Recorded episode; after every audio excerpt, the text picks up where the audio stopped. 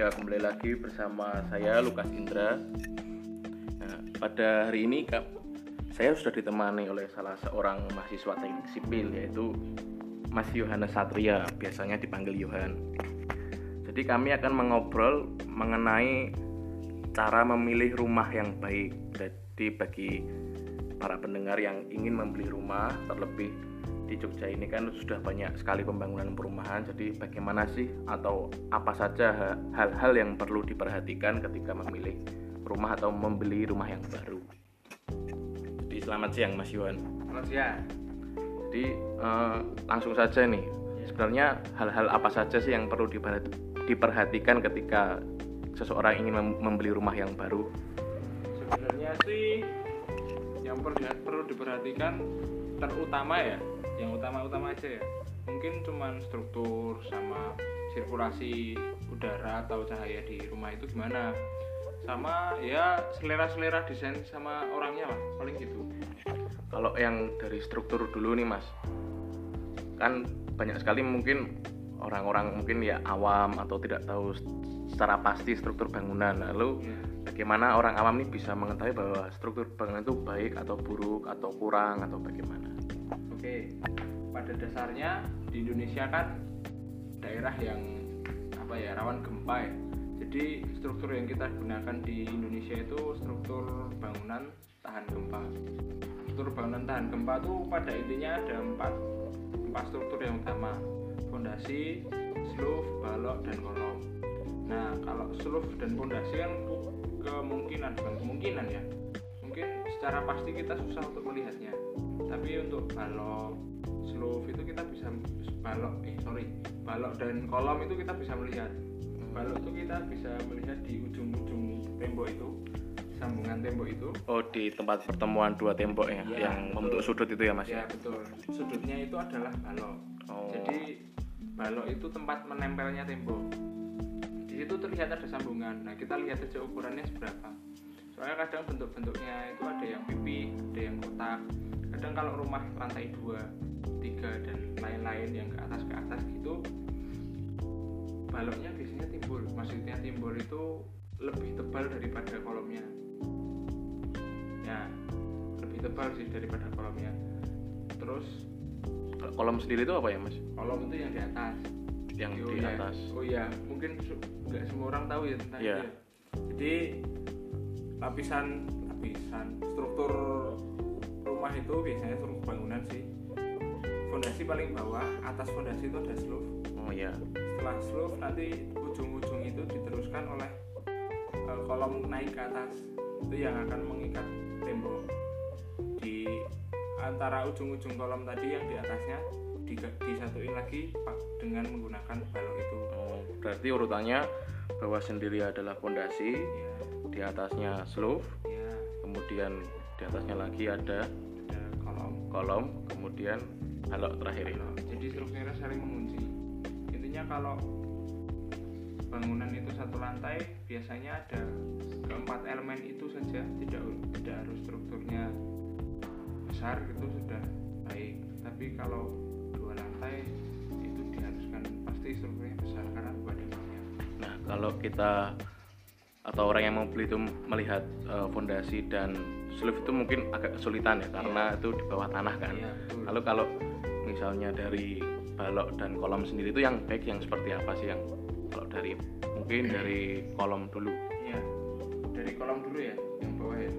Kalau kolom itu yang penting nggak miring dulu. Awalnya itu nggak miring. Kita bisa ngelihatnya mungkin susah ya kalau nggak diperhatikan benar karena kan biasanya kalau udah beli rumah itu udah dicat. Oh iya. Kita susah membedakan sambungan antara balok sama temboknya ya kolom sama temboknya ya. Kalau tapi kalau diperhatikan beneran itu kelihatan beda tuh. Kayak ada sambungan. Nah itu coba di kira-kira ukurannya berapa? Biasanya ya bervariasi ya kalau satu lantai itu 15 15 bisa 20 kali 8 bisa. Senti ya mas ya? Iya senti beda-beda. Berarti yang perlu diperhatikan kalau dari kolom tuh kemiringan. Ya. terus apalagi mas kalau yang dari kolom? Mungkin ukuran sama oh, itu doang sih sebenarnya. Kalau cuma satu lantai tapi kalau dua lantai ya mau tidak mau supaya lebih aman kalian saudara-saudara sekalian meminta apa ya coba tanya strukturnya gimana sama yang punya. Oh gitu. Jadi hanya kemiringan sama ukurannya yang penting ya kalau yang dari eh, itu kolom ya mas ya? Ya kalau yang balok oh, kalau yang baru juga sama sih. Soalnya dia bentuknya horizontal. Melintang nyambungin antara balok sama ba- eh kolom sama kolom jadi Oh, iya. strukturnya tuh mengikat kotak antara yang bawah slope yang berdiri kolom yang atas balok. Hmm, oh berarti kayak kalau misalnya kita bayangkan kubus yang vertikal itu yang kolom yang atas itu yang balok yang yang bawah yang yang alasnya itu yang slope ya ya itu. Terus bawahnya baru pondasi ya kalau slope sih, sih semen- sementara ini jadi dia fungsinya cuman apa ya menahan beban dari atap sama menyalurkan jadi distribusi beban biar rata terus. Oh ya jadi tidak terlalu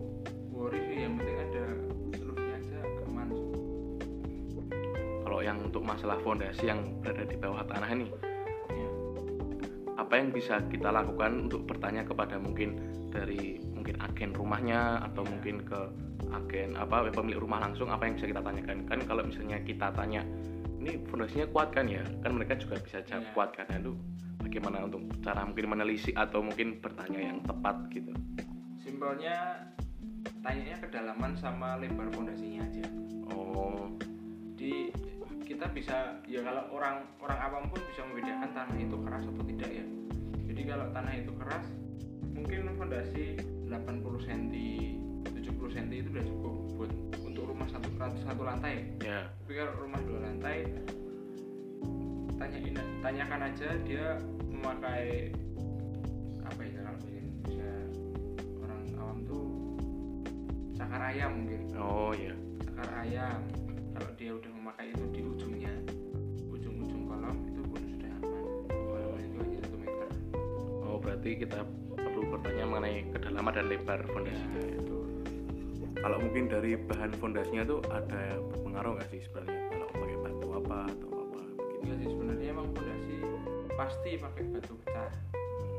Itu yang besar-besar. Dulu ya pasti itu pakai itu soalnya dia fungsinya buat mendistribusikan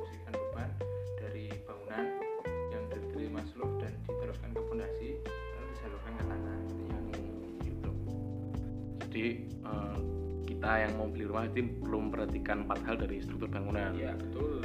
Yaitu eh, fondasi yang pertama dengan bertanya lebar dan kedalaman. Iya. kemudian slope. Kalau slope tidak perlu khawatir ya karena khawatir ya sebenarnya sebenarnya fungsinya apa sih slope sini mas? Sebenarnya fungsinya kunci mas.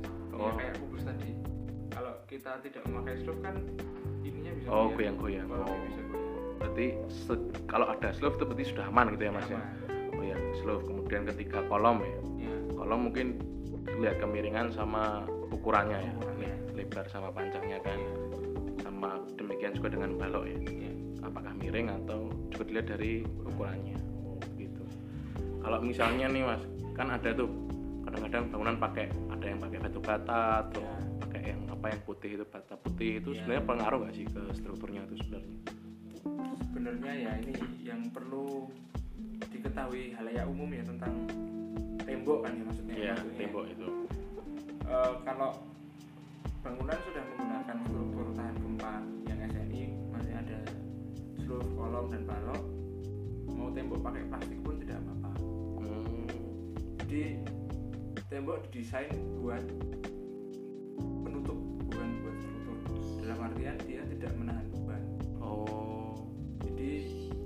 runtuh pun rumah tetap berdiri gitu begitu. Oh, jadi mungkin uh, mungkin ada pandangan selama ini bahwa sebenarnya tembok itu kuat itu bukan dari temboknya tapi dari strukturnya tadi Ya, empat tadi betul. ya mas. iya Ya, tembok itu mungkin hanya untuk menutup dari angin, Ya. air dan lain sebagainya. iya.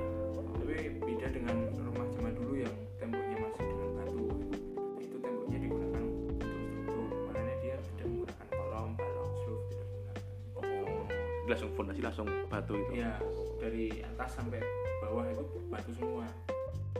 Oh begitu.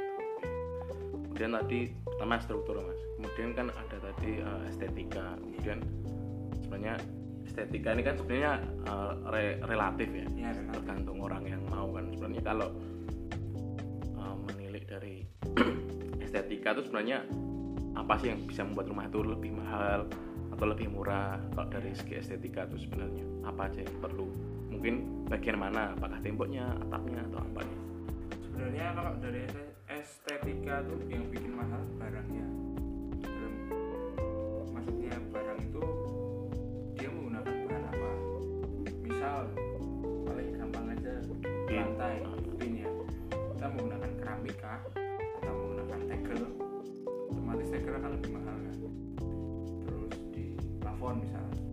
plafon polos atau pakai gipsum terus lampu-lampu lah.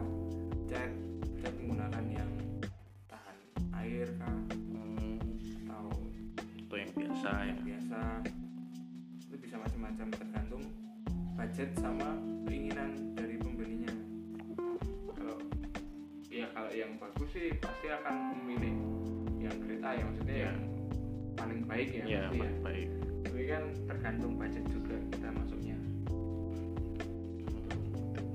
mungkin uh, teman-teman bisa mempertimbangkan lagi kalau dari fungsi estetika dengan budgetnya begitu ya, Iya, mas ya? apakah mau pakai yang grade A, B, C itu hanya untuk memperindah rumah saja? Ya, kan Nah, tapi yang jelas uh, teman-teman juga perlu mem- uh, yang perlu diperhatikan adalah struktur atau fondasi rumah itu. Ya, itu paling penting. Ya, dalam untuk membeli rumah ya mas. Betul. Kalau misalnya dengan estetika yang biasa mas maksudnya yang wajar wajar itu misalnya ya lantainya ya keramik aja kemudian temboknya cat biasa atau mungkin tahan air gitu. Tapi dengan struktur yang bagus itu kira-kira dengan rumah satu lantai kira-kira habis berapa ya mas kira-kira itu? Dengan pembangunan seperti itu. Mungkin tergantung masih luasnya ya mas ya. Kalau kalau misalnya tipe 45 atau 45 ya? Ya tipe 45 kita tidak membicarakan harga tanah ya mas ini. Ya Berarti harga tanah kan di setiap daerah. Ya relatif. Kalau bangunannya sendiri kalau kita membangun mungkin habis sekitar 500-600 juta. Mungkin. Itu menggunakan ya udah besi ukuran 10 maksudnya sudah baik lah mas ya sudah baik. Itu kalau ada gempa pun sudah terjamin. Aman. Bangunannya masuk kiri